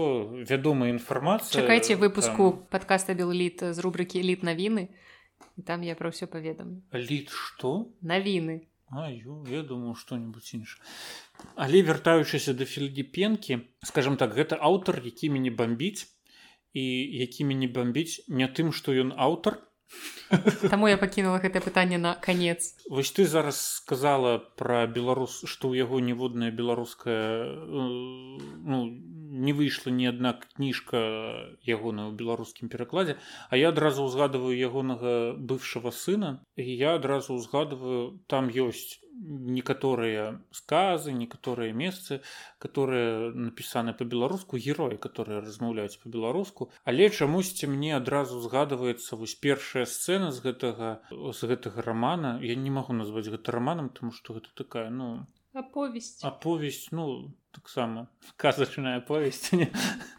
вось. Я адразу згадываю першую сцэну там дзе старшакласнікі прагульваюць урокі яны зачыніліся ў школьнай прыбіральні сядзяць на ачку серуць і пры гэтым размаўляюць по-беларуску ну гэта вось адразу як бы як гэта слово вылецела у мяне з головы ну, а не гош не не не это любой незразумелая сітуацыя выкарыстоўвае выкарыстоўвае правакацыя гэта адразу вось такая вось правакацыя ну Окей я гэта прымаю. Ну гэта вось таким інструментам паслужыць можа. Але ну пры ўсім пры гэтым я бачу что ну гэта ўсяго ўсяго толькі інструмент. Больш ён ніяк э, беларускую мову не выкарыстоўвае. Так мне даволі балюча пры ўсёй яго папулярнасці пры ўсёй яго у перакладанасці на іншыя мовы. Мне балюча ведаць аб тым што беларускіх перакладаў ягоных твораў няма. Я ведаю што знуюцца тысячы і тысячы людзей якія б з задавальненнем кніжкі нават перачыталі задавальненне перачытала яго яшчэ раз па-белару я вельмі напрыклад э, хацеў бы паглядзець як вось перакладчык вырашыць вось гэту праблему беларускай мовы у бывшым сыне. Вось як бы калі там героі пераключаюцца на беларускую мову ў рускім тэксце як гэта будзе вось як гэта будзе працаваць будуць у... размаўляць па-украінску. Яны будуць размаўляць па-беларуску але там выдзеленымі выдзеліма ігра слов. Мне здаецца што гэта ўсё ж таки больш справа э, самого сашы філіпенкі каб ён хацеў э, каб ягоныя творы былі перакладзены на беларускую мову ён давно б гэта зрабіў.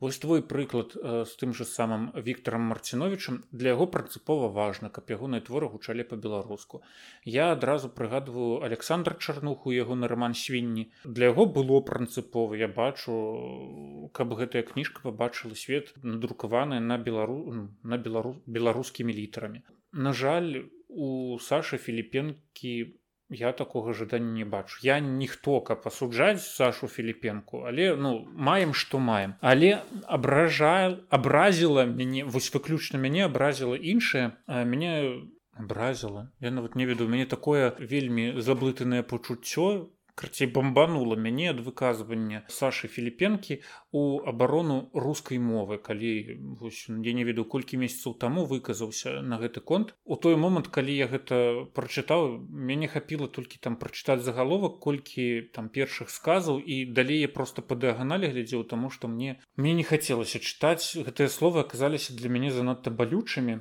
Вось я калі не так пагружацца ў свой бамбізм я не зразумеў для каго ён вось гэтую прамову адрасаваў. Ён адрасаваў гэта для для расіян ну которым ну которым там трэба ну ім не трэба абараняць рускую мову. Ён адрасаваў гэта іншым нацыям которые разумеюць рускую мову. Ён адрасаваў гэта украінцам ён адрасаваў гэта беларусам. А на якім на якой платформе гэта было выдадзена? Э, я дакладна ведаю што гэта альбо быў нейкі перапост у фейсбуку ад філіпенкі альбо ён нават пісаў гэта у якой-небудзь газеце. Магчыма ну, гэта... перша крыніца. Магчыма гэта было штосьці нямецкамоўнае. Які-небудзь там біль шпігель альбо яшчэ што-нибудь такое. Ён ж зараз там тусіць у швейцары швейцары вось Мачыма там у якой-небудзь калонкі ён гэта напісаў. Я не разумею навошта гэта все ну Мачыма ён гэта пісаў для еўрапейцаў. Але так які быў асноўны пасыл яго абароны рускай мовы? Ну то бок... я не чытала. Рускі язык в вайне не вінават А, ну класіка гэта шмат у каго такі ну вось такая рыторыка пачалася вось скажем такое. Як бы ну разумееш калі ну я гэта бяру выключна на пераношу на свой на сваю глебу на свой грунт. Калі мы размаўляем пра беларускую беларускамоўную літаратуру ну камон давайте мы про абарону рускай мовы паговорам тады калі я змагу пачытаць вось усе вось гэтыя кніжкі которые стаяць на паліцах у вас по-руску калі я буду мець калі усе гэтыя кніжкі таксама будуць прадавацца по-беларуску усе калі ўсе творы рускай класікі таксама будуць перакладзены на беларускую мову. Калі я не ведаю калі там паралельна будуць выходзіць кніжкі і па-руску і па-беларуску. Калі вось кніжкі саша філіпенкі на беларускай мове будуць выходзіць. Мы не дажывём да такого мы не дажывём до такого. Ну ты вельмі канешне такая пессімістычная Дык можа у гэтым хаваецца пытанне чаму Саша філіпенко не спрыяе таму каб ягоныя кніжкі выйшлі па-беларуску як бы не жадае гэтага што яму падаецца што каму трэба мне... і так прачытаюць мне кнігі. здаецца што гэта зноў справа бы была Ну ён разумее што як бы яго гэта не будзе прыбытковым. Гэта не будзе прыбытковым. Але просто для сябе каб было. Каб яму гэта было патрэбна ён бы гэта зрабіў. Ну, веду, веду... что так самы просты адказ на гэтае пытанне што ён не мае ў гэтым патрэбы. Ёсць на не ну зразумей ёсць напрыклад э, пара пісьменнікаў беларускіх которые пішуць по-руску але свае творы яны аддалі за так каб іх перакладалі на беларускую і выдавалі. За так за бесплатна под вельмі добрыя падлеткавыя романы я, я ведаю што вы ведаеце каго маю на увазе ім патрэбна каб іхныя кніжкі гучалі по-беларуску яны разумеюць важнасць гэтага для беларусаў для беларускай літаратуры. Я наколькі мне вядома таксама вось гэта пісьменніца гумарыстычнага фэнтэзі аўтарка ольга грамыка. Іна так і казала забірайце за так мае кніжкі выдавайце по-беларуску гэта там у вольха касмаолухі іншае. Але ніхто не перакладае. Вось ну гэта зноў пытанне жанравай літаратуры. Гэта пытанне аўтара. Каб ён хацеў гэта б даўно выйшло ну як мне падаецца. Я не хачу нікога абразіць ну пакуль там іншыя аўтары заклапочаныя тым каб іхныя кніжкі ўсё ж таки э, загаварылі беларускай мовай ну гэты аўтар займаецца абаронай мовы іншай у кожнай свае прыярытэты так і вось я у таксама у пэўнай долі я магу зразумець вось таго ж сашу філіпенку бо ну я вывучаў нямецкую мову як гэта мой асноўны прадмет ва універсітэце быў і ну каб вы ведалі за вось гады вывучэння я ўжо ў свой адрас столькі разоў чуў і гітлер капут і хендехох і ўсё ўсё што толькі можна. Мы ні разу табе так не казалі. Казалі казалі. Я ўсё чуў усё запісана. Ну я вельмі шмат разоў ну у свой адрас гэта чуў што я там фашыстоўскую мову нейкую вывучаю і гавару як фашыст керхекаю і ўсё такое. Столькі абраз у свой адрес я пачуў толькі праз тое што я гавару по-нямецку як бы ну зразумела што мова ні ў чым не вінаватая. Так? Ну у гэтым плане я магу зразумець філіпенку. Але ну узяць вось увесь кантэкст калі яго пашырыць ну ну камон гэта такое сабе. Я адразу ведаеш згадываю нейкае савецкае старое кіно. Пасля вайны аднаўляліся школы і як настаўніца нямецкай мовы размаўляла з дзецьмі і як яна дзецям даводзіла вот говорит дзеці нямецкі язык это язык гёты шылера того-то того-то дзеці адказ і гэта язык яшчэ гітлера і яна прям сумелася не ведала што адказваць ну на жаль пры ўсім руская мова ну зараз перажывае свой такі этап. Камон давайте браць под увагу ўвесь кантэкст і як бы разумееш каб вось філіпенку не хапала вось у гэтым сваім допісе як у нармальнай вось гэтай даследчыцкай працы напісаць каму адрасаваны гэта ягоная там актуальнасць даследавання ну, ну, мне мне не спадабалася ягоная вось гэтая рыторыка. Ну але гэта выключна моя справа што мне не спадабалася. Таму саша філіпенко калі ты мяне слухаеш ну ну ты маладзец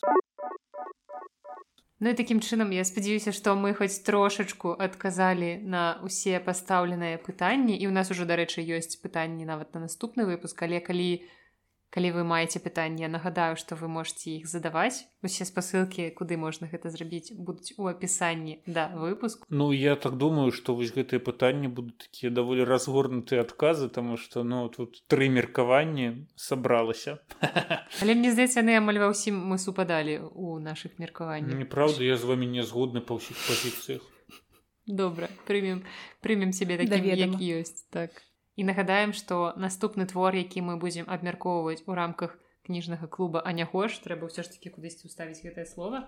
Гэта казік з каменнай горкі алеся кудрыцкага. Спадзяюся, што наш новы фармат вам ужо зайшоў, асабліва тым, хто ўжо слухаў нашыя падвядзенні вынікаў два гады запар. Бла-бла клуб наш бла-бла клуб. А цяпер і цяпер вось кніжны клуб мы дараслі ад бла-бла клуба да кніжнага клуба. Таму дзякуй усім, хто заставаўся з намі гэтыя, мабыць, дзве гадзіны. Але я ведаю, што гэтыя выпускі даволі шмат слухаюць. Мне здаецца, нават больш, чым звычайныя выпускі праслухоўванню. Таму мы стараліся, як маглі цягнулі інтрыгу э, ката за хвост за іншыя органы яго цела. Таму дзякую вам, што прыйшлі, як быццам бы у вас быў выбор. Ну дзякую, што праслухалі. Канешне быў. Не прыйсці слухаць, можна не слухаць. Лагічна так. Дзякуй, што вы трывалі так доўга мой гнусавы. І, і наш так, і, іх таксама не вельмі. І на гэтай аптымістычнай пазітыўнай ноце з кампліментамі ацярожанкі мы завяршаем на сённяшні падкаст. Чакайце наступных выпускаў падкаста белліт і наступных пасяджэнняў кніжнага клуба анягош гадуйцеся. Шчасліва